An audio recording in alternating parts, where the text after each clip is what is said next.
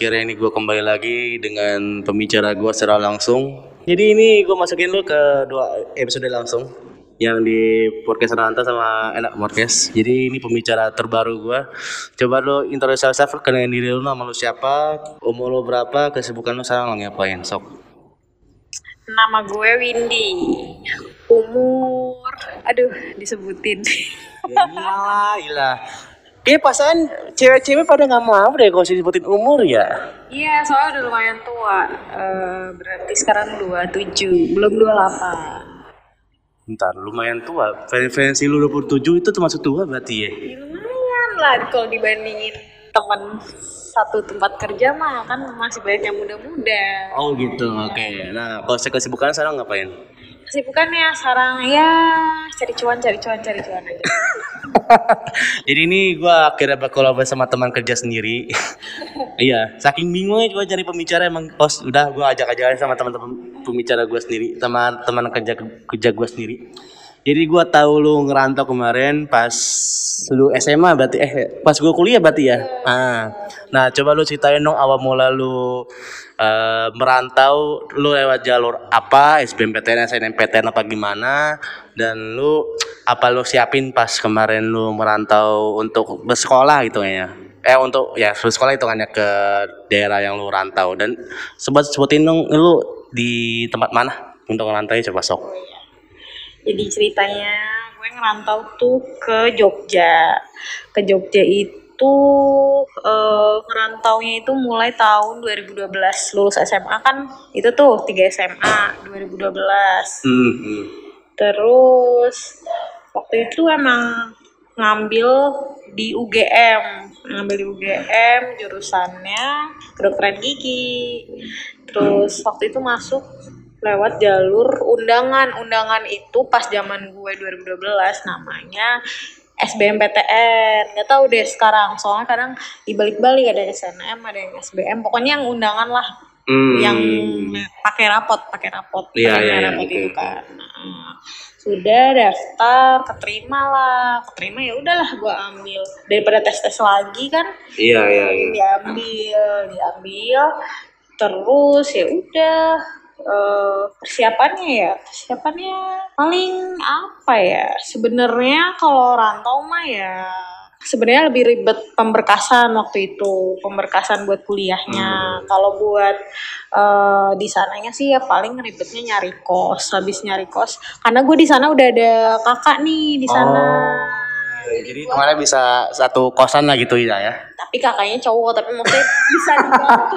Iya iya iya. Iya iya iya iya oke oke bisa oke. diantar-anterin gitu tuh udah ada Oh, jadi gitu. nggak terlalu susah nganterin nyari Ah. kosan itu udah gampang beda kalau misalnya yang nggak ada saudara nggak ada apa kan susah ya tiba-tiba Hmm. datang keliling sendiri nggak tahu daerah mana daerah mana nah gue udah ada kakak udah tahu Hmm. daerah-daerah mana nih yang bisa dicari cari kosan tapi ini kakaknya satu universitas atau tempat-tempat yang lain gitu di Jogja juga Iya, kakak gue dulu dua yang masih bareng gue kuliah itu dua cowok. UGM juga tapi beda kampus kan. oh Terus akhirnya dapat kos deket mereka kayak gitu. Jadi kita deketan. Jadi cowok itu berdua kosannya sama. Terus gue deket situ kayak gitu. Hmm. Ada- Sebenarnya sih kalau untuk pembicara damatian satu circle ini kan lu ya off the off the record yang kemarin gua kasih tahu, lu ternyata lulusan SMA 1 di pembicara gua sebelumnya ada juga junior gua. Hitungannya gua ketemu dia pas gua les. Dia itu ah, dia jalur undangan juga sih, jalur undangan di SMA 1 dia sekolah dan dia kuliah kemarin di Malang. Mungkin referensinya mungkin ada sama kali ya. Mungkin cuma penyebutan namanya doang kan. Lu SBMPTN. Kalau kita cuman dikurangin doang SNMPTN gitu. Seleksi nasional, seleksi nasional masuk perguruan tinggi negeri. pas gue SNMPTN itu yang tes, yang pakai tes. Lah kebalik berarti. Iya kan. Pas zaman gue SBM itu yang undangan, Ah. SNM yang tulis, eh yang Oh, tes. yang tes. Kayaknya tuh setahun berikutnya tuh dibalik apa gimana. Hmm. Tapi untuk yang seleksinya sama kayak angkatan gua lah. Misalnya dalam artian apakah lu eh, pas udah keterima di SNMPTN ada hasrat-hasrat sendiri tersendiri gak sih pengen nyoba gitu SBMPTN apa gimana gitu? Enggak, udah, udah enggak. Pasrah Udah pasrah ya. Oke oke. Tapi udah kayak ah, aduh otaknya udah capek belajar Hmm. mulu kan Ah. dulu kan ada ujian nasional ada ujian sekolah Ah. ada ujian praktek tuh banyak dulu Mas sekarang Nah. ujian nasional nggak ada Nah di era lu kan udah mas masih mengandung masih ada sistem di mana akselerasi. Lu masuk akselerasi oh nggak? iya ada waktu zaman gue udah ada tuh akselerasi tapi gue nggak ikut Oh. jadi yang Kenapa emangnya tahu ambis banget ya? Dia kayak ngapain sih sekolah ya dua tahun cepet-cepet kayak ya udahlah istirahatnya ngapain Iya. cepet-cepet gitu Iya iya. Yaudah. Soalnya junior gua pas uh, satu SD dia juga masuk akselerasi. Dia UGM dokter, dokter umum. Ya hitungannya kalau saya diibaratkan gua lulus dia juga lulus tapi ya ikut i- ikutannya ya lulusan SMA-nya ya sama kayak gua padahal dia setahun di bawah gua gitu loh kan dibilangnya cuma dua tahun doang kan rasanya kayak no lab banget ya Kalau Axel ya perasaan gua nggak tahu sih dulu ya perasaan Iya, iya, kita kan iya. tiga tahun nih satu semester enam bulan nih ya. Ah, iya. Jadi ujiannya setahun tuh dua kali semester satu semester dua. Nah Hmm. kalau mereka tuh kayak terujian, ter berapa bulan udah ujian lagi, ujian lagi, ujian lagi karena dua tahun. Jadi kayak udah tiba-tiba ujian tengah semester lagi, udah ujian akhir lagi, tengah semester lagi. iya tapi kan itu pun pulangnya juga lebih malam lagi kan pastinya kan Eh, sebenarnya nggak sampai malam, sampai sore tapi tapi mereka sampai sore justru sampai sore. Kalau kita kan kayak sampai siang, mereka Ah, tuh iya. masih ada kelas lagi setelah itu. Oh gitu. Tapi lu ada nggak sih teman-teman lu yang masih berinteraksi sama lu, tapi dia lulusan apa tuh dia SMA-nya akselerasi ada nggak? Nggak ada sih gue nggak terlalu kenal anak Axel ya tapi ada dari SMA gue Axel Eh, terus dia jadi kakak kelas di kampus Nah, padahal hitungan pada pada hitungannya satu angkatan masuk kan dengan SMA kan. Jadi hitungan sekarang jadi kakak kelas ya. kelas ya benar benar. Ya padahal kan dua tahun kan dibilang dua tahun kan. Oke. Tapi gue baru kenalnya pas di kampus pas Oh satu UGM juga berarti? di game juga. Pas di sekolah ya tahu doang nggak Anjir, canggung banget dong. nggak kenal banget. Iya maksudnya dalam artian di mana kayak satu SMA satu satu masuk satu apa tuh eh, baru baru masuk yang angkatan 2012 itu eh 2012 berarti lu SMA 2012 masuk tiba-tiba pas masuk UGM udah senior kayak lalu? Ya gitu. oke oke oke oke. Nah kenapa lu milih UGM karena ya gitu ya biasa lah kayak kakak-kakak UGM ya udah ikut aja UGM coba-coba eh terima. Oh justru lu awalnya dari perguruan tingginya bukan dari jurusannya? Bukan dari UGM ya sebenarnya jurusannya dulu juga bingung sih apa ya terus ya udahlah coba kedokteran gigi. Karena sebenarnya kakak gue cewek juga ada yang dokter gigi. Hmm. biasa ngekor biasa anak-anak. Oh gitu. Ngekor. Oh. Terus ternyata kalau terima ya udahlah udah masuk aja ke situ. Udah kecemplung ke situ kan? Jalanin aja udah. Iya ya tapi hitungannya gosok-gosok berhadiah berarti ya? Ya betul. Nah, bagus kalau ya rezeki juga mungkin. Situ. Jalanin ya, oke siap. Dan biasanya kalau orang-orang pada prefer kayak mungkin ada juga kayak berpikiran bahwa ah mungkin dianggap orang-orang Jogja itu termasuk biaya hidup yang lebih murah atau mungkin lebih enak banyak banyak anak-anak kuliah-kuliah di sana gitu. Ternyata referensi lu ternyata dari uh, senior-senior yang perkenalan ke sekolah-sekolah gitu ya kayak. Iya, iya betul kayak gitu. Tapi emang bener sih Jogja tuh lebih murah, jauh lebih murah.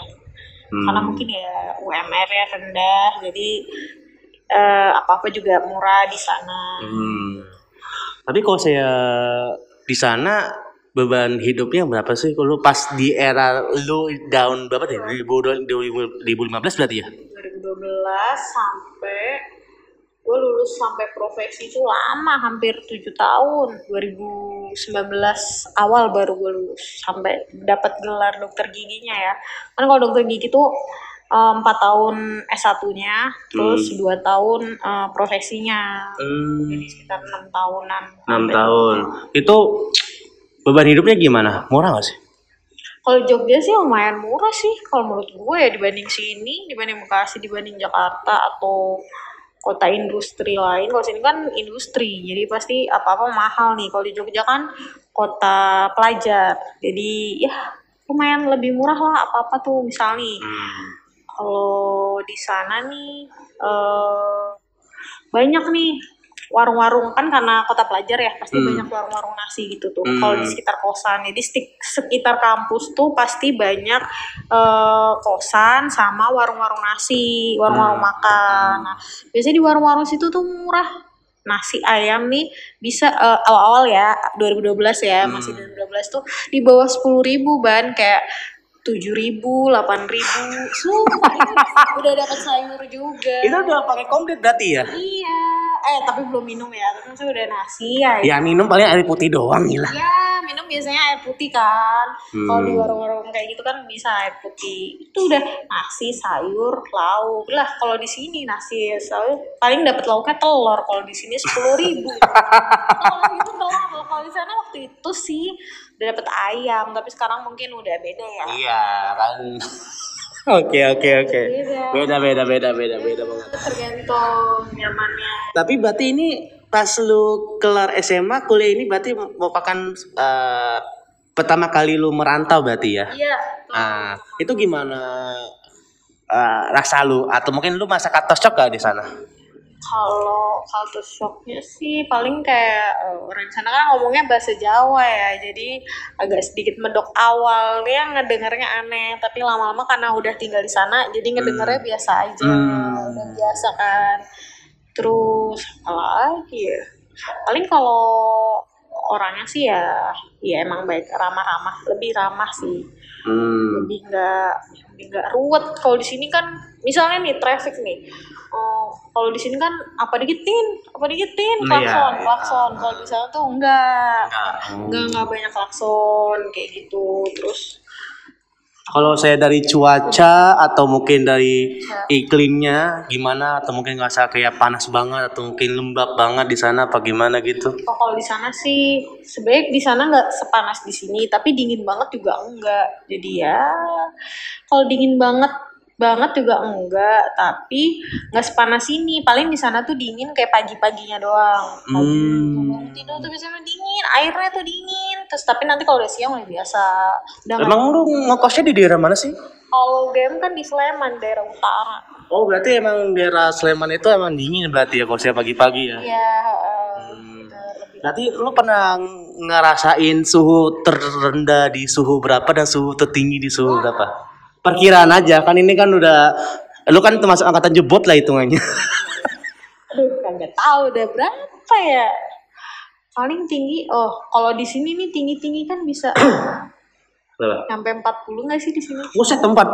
Dikirain ini Arab kali. Enggak, di sini mohon maaf, ini bukan Dubai. Kalau Dubai Dubai. eh 40 mah Mungkin kalau saya di era-era kita, kita kan tapping pas tanggal 14 Mei. 14 ba- berapa kan 14 Mei 2022 kan kita juga udah tahu lah kan kan kita juga dapat Oh, sekarang 32 ban bisa 4 eh enggak 37 mungkin ya paling tinggi ya. Nih aja sekarang nih 32. Ah, Kayak gini 32 biasanya bisa lebih panas. Tapi di sana panasnya apa nih? Panas ah, panas gersang, panas karena matahari atau panas karena udara pantai? Tapi kalau panas nih nggak mungkin juga ya. Panasnya pas. matahari aja tapi kalau gersangnya mah enggak. Polusi juga enggak terlalu ini sih kalau di sana. Kalau di sini kan banyak mobil gede tuh udah udah panas gerak kotor polusi. Kalau di sana enggak lebih bersih. Hmm. polusinya lebih enggak terlalu separah ini ya. Hmm. kayak mirip-mirip Bandung lah udaranya Hmm. Bandung kan ya dingin banget enggak kan tapi mungkin Tapi tergantung juga sih kalau saya Bandung daerah Unpad yang Sumedang itu termasuk panas. Tapi kalau saya Bandung daerah Setiabudi, Lembang itu termasuk dingin. ini ya tapi kan bukan yang dingin banget kan tapi lebih sejuk lah dibanding kalau Jakarta Bekasi Ya makanya rata-rata kalau saya dari orang-orang kita kayak Bekasi, Jakarta pada minggatnya ke Bandung karena ya nyari dinginnya gitu. ini ya iya sih Iya. Berarti kalau misalnya untuk di sana fasilitas apa sih yang lu dapatkan gitu loh kak? Dalam artian misalnya ke dari orang tua lu bawa motor atau mungkin lu bawa printer apa gimana coba? kalau gue sih standarnya anak kos jadi cuma ya ngekos nih ngekos aja gue waktu itu ngekos kamar mandi luar kosan kan yang kamar mandi dalam yang kamar mandi luar nih Hmm. terus ada yang bentuknya dalam satu rumah ada yang kamar-kamar jejer-jejer Hmm. nah kalau gue waktu itu ngekos di eh, kamarnya yang jejer-jejer bukan dalam satu bangunan rumah gitu Hmm. kamar-kamar kamar berentet terus eh, kamar mandinya juga kamar mandi luar nggak dalam dan itu murah Tahu Tapi kosannya kosan campur. Nggak, cewek. Kosan cewek. Hmm. berani gue campur. Cewek semua terus tapi Itu lu masih ingat nggak per bulannya berapa? nih ingat gue nih awal gue masuk ya karena ka- kamar mandi luar terus dari kampus sih nggak terlalu jauh sih. 5-10 menit lah. Kalau ngebut bisa tuh 5 menit. Karena nggak terlalu deket dan nggak terlalu jauh jadi nilai eh, harganya tuh dia di tengah tapi termasuk agak murah. Dulu waktu awal banget gue datang pertama kali itu harganya 300 dan dia itu terakhir gue keluar itu 500 harganya bayangin. Itu berarti yang pas lu mau keluar ini udah dapat fasilitas wifi, wifi atau mungkin dari 2012 sudah ada wifi? wifi ada tapi kita ini sendiri di luar itu. Jadi anak-anak Oh. kosan yang masak Atau patungan berarti ya? Oke dan siap. patungan luar Hmm. itu Listriknya pakai token apa gimana? oh listriknya udah masuk itu Berarti hitungannya yang lu masuk tahun 2012 itu dua 200 ya tadi ya? 300 Oh 300. Itu 300 sudah termasuk air. Itu eh, kamarnya isian. kamarnya iya ada isinya tapi nggak semua isinya paling lemari terus kasur spring bed bawah gitu terus meja belajar sama kursi udah lumayan itu Tapi itu kalau saya dimasukin bisa dua orang. ditempatin Iya, di maksudnya di dalam artian misalnya kalau temen lu pengen nginep gitu. bisa bisa bisa dua orang kosan gue murah tapi termasuk luas kalau dibanding kosan lain Hmm. makanya gue ah, bertahan gue nggak pindah kosan loh dari awal sampai keluar eh sampai lulus tuh gue nggak pindah kosan banyak kan yang eh, berapa tahun terus bosen pindah aduh kalau gue nggak udah stay di situ Kenapa emangnya? Atau mungkin lu malas nyari kosan lagi gitu? Iya, pertama males, kedua udah enak nih, lokasinya deket. Hmm. Terus udah PW aja kayak ya udah nih enak kamarnya juga nggak kecil banget. Biasanya dengan harga segitu itu luasnya lebih kecil, tapi gue dapet bisa dapet yang agak luas kamarnya, Hmm. space kamarnya ya. Hmm. Enggak, maksud gua tadi yang gua bilang tadi itu inventaris dari orang tua lu apa? Lu kan dikasih motor apa gimana gitu? Ya habis kosan, terus gue bawa motor bawa, tapi itu juga bawa motor tuh baru semester 2 apa 3 gitu gue baru bawa motor sebelumnya Lu dibawain dari Bekasi ke ke Jogja berarti? iya Atau eh, mungkin lu uh, beli kredit dari sana gitu? Enggak, itu bawaan dari Bekasi, tapi itu awalnya dipakai kakak gue dulu. Kakak gue lulus, terus baru gue yang pakai. Makanya gue baru dapat semester 2, semester 3. Oh berarti hitungannya pas lu masuk kakak lu itu udah semester akhir berarti ya? Oh gitu. Tapi kebanyakan rata-rata motor mah pada bawa dari tempat asal. Iya, makanya kan kalau saya fenomena begitu kan ya gue baru mendapatkannya itu dari pas gue kemarin kuliah di Bandung gitu loh dan artian banyak teman-teman gue yang hampir rela-rela bawain motornya dari tempat asalnya ke tempat kerantaunya itu lu bawanya itu pastinya nggak pakai kereta atau mungkin pakai kereta justru Iya, kalau masih satu pulau, pulau Jawa mah bisa pakai kereta. Dikirim misalnya kirim hari ini, besok Hmm. pagi udah nyampe balik. Jadi ngikut kereta yang malam itu. iya yang barang-barang logistik itu kan Oh, oh, kereta kereta penumpang, tapi biasanya kan belakangnya ada kereta barang. Dimasukin ke situ. hmm iya ya Jadi mereka bisa cepet nyampe nya besok pagi udah bisa diambil. hmm, mahal lagi, paling berapa ratus ribu gitu. hmm, Dua ratus atau tiga ribu kali ya. hmm, hmm. Jadi orang mending ngirim lah, masa mau beli lagi. Enggak ya, soalnya gini loh, ya terkadang ada juga loh sampai-sampai kayak rela-rela banget. Udah kamu kreditanya gitu loh, lebih lebih lebih di- dipikirkan justru lebih murah untuk kredit motor di tempat rantaunya daripada harus bela-belain bawa kendaraannya dari tempat asal ke tempat rantaunya gitu loh. gitu. Enggak sih, kalau temen-temen Enggak ya. gue pada bawa sendiri karena mungkin ya anak kuliahan, mau gimana mau beli, jadi kayak dibawa. Iya itu kan setidaknya kan itu buat mobilisasi kan, setidaknya minimal buat nongkrong lah gitu. Mungkin kalau saya buat tempat ke tempat tujuan mana gitu loh buat skripsian lah. Lu masih ingat gak kemarin pas lu skripsian dikasih printer nggak? Oh enggak, gue enggak pakai printer karena malas suka ini. Kalau nggak dipakai kan suka kering-kering. Aduh, banyak masalahnya kalau. Iya kan tintanya juga tintanya tinta-tinta basah kan. Iya. Kalau di Jogja soalnya udah banyak tuh eh, fotokopian-fotokopian yang bisa ngeprint, terus harganya murah. Jadi ya udahlah kita ngeprint di abang-abang fotokopi aja. Berarti inventarisnya motor sama rice cooker. Iya, motor rice cooker apalagi ya. Laptop? laptop iya laptop mah iyalah buat tugas oh iya laptop yang baru beli laptop gue sebelumnya tuh pas SMA kan pakai laptop bokap gue apa ya bareng-bareng lah terus pas kuliah dibeliin sendiri satu-satu karena kan Hmm. kepentingannya beda-beda kan Iya, iya. Lu pernah ngerasain gak sih tanggal tua? Pasti nggak mungkin lah anak-anak rantau nggak ngerasain tanggal tua. tanggal tua ya tiap bulan tanggal tua mah i- iya bener sih. Kan itu kan pendapatan lu kan cuma berdasarkan dari orang tua doang kan. Nggak misalnya kayak teman-teman gua pada part time atau mungkin gimana gitu. Kata lu emang fokus buat pendanaan berarti di orang tua doang kan? Ya betul. Iya emang. Waktu itu kan nggak tahu ya kalau di fakultas gue sih agak nggak memungkinkan untuk part time karena kita ada ada kuliah materi gitu ada praktikum. Jadi kayak pagi kuliah sore praktikum. Udah malam ngerjain laporan. Ya sebenarnya bisa aja sih kalau mau part time malam tapi udah nggak kuat gua. Kalau gua mah ya udah udah nggak kuat ya udah. Jadi ya dana penyokongnya dari orang tua doang. Hmm. dan itu pun orang tua kasihnya dari awal di awal bulan atau di akhir bulan? Di awal bulan kalau gua dan sebulan sekali ya udah. Soalnya ada yang sistemnya juga dua minggu sekali. Jadi sebulan tuh dua kali dikirimnya. Dan itu pun dibayar udah termasuk bayaran dari kosan lu itu?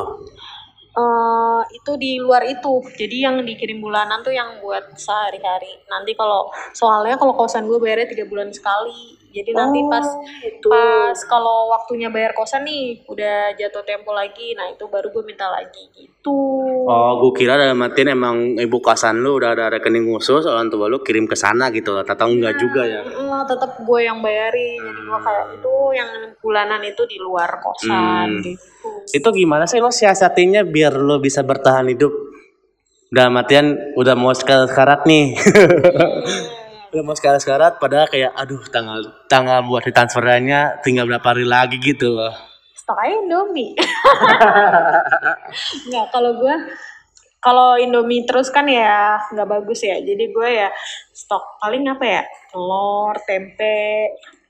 Terus pokoknya yang bisa untuk masak-masak yang gampang lah kayak gitu. Jadi Hmm. ketika udah tanggal tua nih aduh ngirit-ngirit ya. Udah masak nasi terus masak aja apa? Pakai telur tempe sayur campur-campurin aja. Oh berarti lu emang pas kemarin lu kuliah emang lebih masak sendiri di dapur kosan lu daripada lu beli-beli makanan di luar berarti ya? ya nggak sering juga. Tapi kalau udah kepepet terus waktunya ada bisa masak ya masak aja mending gitu. Tapi kalau udah capek juga ya udahlah beli aja. Hmm. nggak ada waktunya udah lapar itu aja. Suka telat-telat makan. Kalau anak kos tuh suka telat-telat makan gara-gara udah nih sibuk sibuk sibuk sibuk lupa makan kalau di rumah kan kayak ada yang ngingetin ini makan makan makan kalau kita kan ngapa-ngapain ngapa-ngapain lupa makan Iya. kayak gitu Berarti lu pas kemarin kuliah sempat jatuh sakit? Eh, awal-awal iya pernah tapi kayak cuma mah gitu doang sih tapi. Mah doang ya. Itu termasuk mah doang ya. Nah, terus gara-gara itu udah udah insap gue kayak aduh ya harus ingat-ingat makan gitu Iya. Soalnya kan setidaknya walaupun itu nggak dokter gigi, itu kan dokter dokter ya dokternya pasti setidaknya harus ngapalin gimana gimana gimana gimana. makanya ya pasti anak kos tuh adalah sakitnya mah karena sendiri juga ya. Pasti mereka ada fase tumbangnya capeknya kayak gitu. Kan mereka sendirian kan Tapi untungnya lu sakitnya bukan di semester akhir ya. iya gue malah di semester awal. Semester akhir mah udah jago udah kayak ah Iya. udah apa apa udah jago lah. Kalau awal kan masih penyesuaian tuh adaptasi. Masih belum tahu enaknya gimana lah jadwal jadwalnya ngatur ngatur apa apa tuh pasti masih penyesuaian kalau awal makin lama udah makin santai gitu. Nah, nggak mungkin lah seorang perantau ke kota asal rantaunya itu nggak keliling-keliling tempat dia rantau lah. Nah, lu pernah ke mana aja sih pas kemarin selama enam tahun lu di Jogja? Kenapa lu ketawa apa gimana lu? Iya, aduh. Eh, gue tuh termasuk yang jarang main sebenarnya. Main itu kalau ada yang ngajak, nggak pernah tuh tiba-tiba gue, ayo kita ke sini itu jarang tuh. Gue mager, mending gue tidur kok. Kalau misalnya nggak ada kerjaan. Kalau di Jogja tuh sebenarnya banyak wisatanya. eh ada wisata pantai. Pantai itu biasanya di daerah-daerah kalau nggak Bantul tuh Bantul kan paling Parangtritis gitu-gitu atau di Gunung Kidul. Ah, itu udah biasa itu. Kan tapi kan bagusan kalau Parangtritis kan pasirnya hitam ya, bukan pasir putih. Kalau yang pantai-pantai Gunung Kidul kan memang jauh sih, tapi pasirnya pasir putih. Hmm. Kayak selatan lebih bagus, tapi ya Allah jauh banget. Nih biasanya pantai-pantai nih kalau Jogja atau kalau sekarang itu kalau di kotanya Malioboro, Hmm. Malioboro, terus alun-alun kayak gitu, terus atau candi. Kalau mahasiswa mah jarang ke candi-candi. Tapi kalau orang-orang orang wisatawan ya biasanya candi kayak Prambanan. Kalau Borobudur kan di Magelang tuh Hmm. eh Muntilan apa Magelang ya di luar Jogja lah kayak gitu kalau anak-anak tuh biasa ke pantai terus paling tuh ya udah ke pantai nongkrong. Jarang yang ke wisata-wisata. Kalau gua ya kalau orang-orang lain nggak tahu deh tuh. Sama paling kalau dulu tuh belum sebanyak sekarang wisatanya. Sekarang Jogja tuh wisatanya udah banyak. Oh tebing breksi gitu-gitu. Terus Hmm, dia mengejar matahari di sana kan. apa iya sekarang tuh banyak kayak gitu-gitunya. Dulu tuh nggak terlalu banyak Tapi lu pernah gak sih ke suatu destinasi wisata tapi menurut lu atau mungkin teman-teman lu untuk ke sana tuh jaraknya susah dan untuk dijangkau pun susah banget gitu loh. lah iya itu Gunung Kidul jauh banget tuh kalau mau ke sana nih kita kan naik motor nih Hmm. pada biasanya gua ke sana sama temen kos nih misalnya naik motor sekali jalan tuh sekali berangkat dua jam perjalanan karena kita di Sleman Sleman kan utara, Gunung Kidul tuh apa ya nggak tahu barat timur. Kalau Bantul selatan. Nah, Gunung Kidul barat atau timur. Jadinya tuh lama banget dua jam baru nyampe pantai. Gila. Hmm, berarti itu kan berarti kan hitungannya lebih ke jarak tempuhnya susah gitu, eh lama gitu loh. Tapi kalau saya untuk kayak eh di selama perjalanan misalnya kayak lu ke suatu destinasi A itu pun harus nyari harus lewat apa harus jalan kaki ke tempat tersebut atau mungkin lewat eh, hutan-hutan gitu loh. Pernah nggak? Atau mungkin kayak hidden gem lah kalau saya orang zaman sekarang itu bilangnya. Dan dia enggak sih. Kalau Jogja mah nggak hidden hidden banget. Masih kejang masih kejangkau lah masih Iya iya. bagus lah. Berarti untuk aksesibilitasnya menurut lu eh, bagus, tapi untuk kesannya eh, ada pegel banget ya, ada pegel banget ya. Tapi maksudnya nggak nggak yang terpencil banget mah enggak lah Hmm. Berarti tipikal lu nongkrong gak sih teh? gua nongkrong nggak terlalu paling ya jarang lah gua nongkrong beda kalau cowok-cowok kan suka nongkrong ya kalau cewek Ada juga kali teh yang apa eh, nongkrong-nongkrong cewek. Lu sudah lebih suka nongkrong atau nonton Korea nih? Gue curiga nih. Nonton Korea juga nggak gua bilangin gua mah tidur Oke oke oke oke oke oke. Oke, mungkin untuk menutup episode pada kali ini di di part pertama, tadi kan lu selalu sempat ceritain kan bahwa lu masuk ke UGM jalur rapot dan akhirnya lu menjalani struggle-struggle sebagai anak rantau yang bisa dibilang flat-flat aja sebagai anak rantau. ya sama aja lah kayak anak rantau lain. Iya. Lu pernah nggak sih nggak sih kayak struggle-strugglenya sama lu ngerantau gitu teh? struggle-strugglenya? Itu struggle-nya mah paling ya apa-apa diurus sendiri ya nggak ada yang bantuin. Mulai dari mau nyuci nyuci pilihan nih nyuci sendiri. Nyuci baju maksud gua.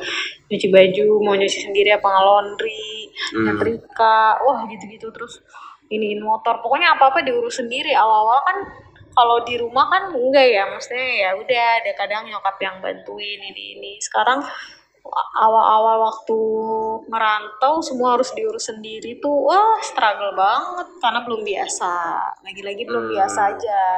Lama-lama udah biasa mah udah enak Oh berarti lu pas lu di rumah emang belum pernah nyobain dalam artian nyuci baju gitu-gitu nyuci belum? nyuci tapi maksudnya kan kayak nggak tiap hari kadang dicuci nyokap gua kayak gitu ada Hmm. sama mbak maksudnya kalau ini kan kita kayak nyuci sendiri kadang gua ngelondri sih seringnya kalau udah capek taruh laundry laundryan di sana juga murah Oh gitu oke. Berarti lu bisa cobalah lu kasih kesan pesan lah kesan lu selama lu ngerantau di sana kayak gimana, struggle-struggle lu hala- alami bagaimana dan lu coba kasih pesan lah sebagai orang kolot yang bisa dibilang udah lah- ada kali udah tiga tahun. Udah tiga tahun udah mengalami fase sama ngerantau lah gitu loh. Apa ya kalau ngerantau tuh ya pinter-pinter ngatur semuanya maksudnya ngatur uang harus diatur banget. Jadi biar nggak ada yang tanggal tua ngenes banget kayak gitu kan. Hmm. jangan yang di awal nongkrong nongkrong makan enak makan enak tanggal tua indomie terus. Jangan sampai kayak gitu lah ntar takutnya kan sakit. Hmm. terus ya jadwal-jadwal lain juga kegiatan sehari-hari itu juga harus diatur. Walaupun maksudnya anak kos sendirian kalau bisa sih tetap sehat ya. Maksudnya kayak tidur cukup makan juga yang teratur ya belajar juga iya gitu. Kalau libur ya nongkrong-nongkrong dikit nggak apa-apa juga. Kadang ada yang hampir tiap malam nongkrong. Wah itu istirahatnya kapan coba kalau kayak gitu?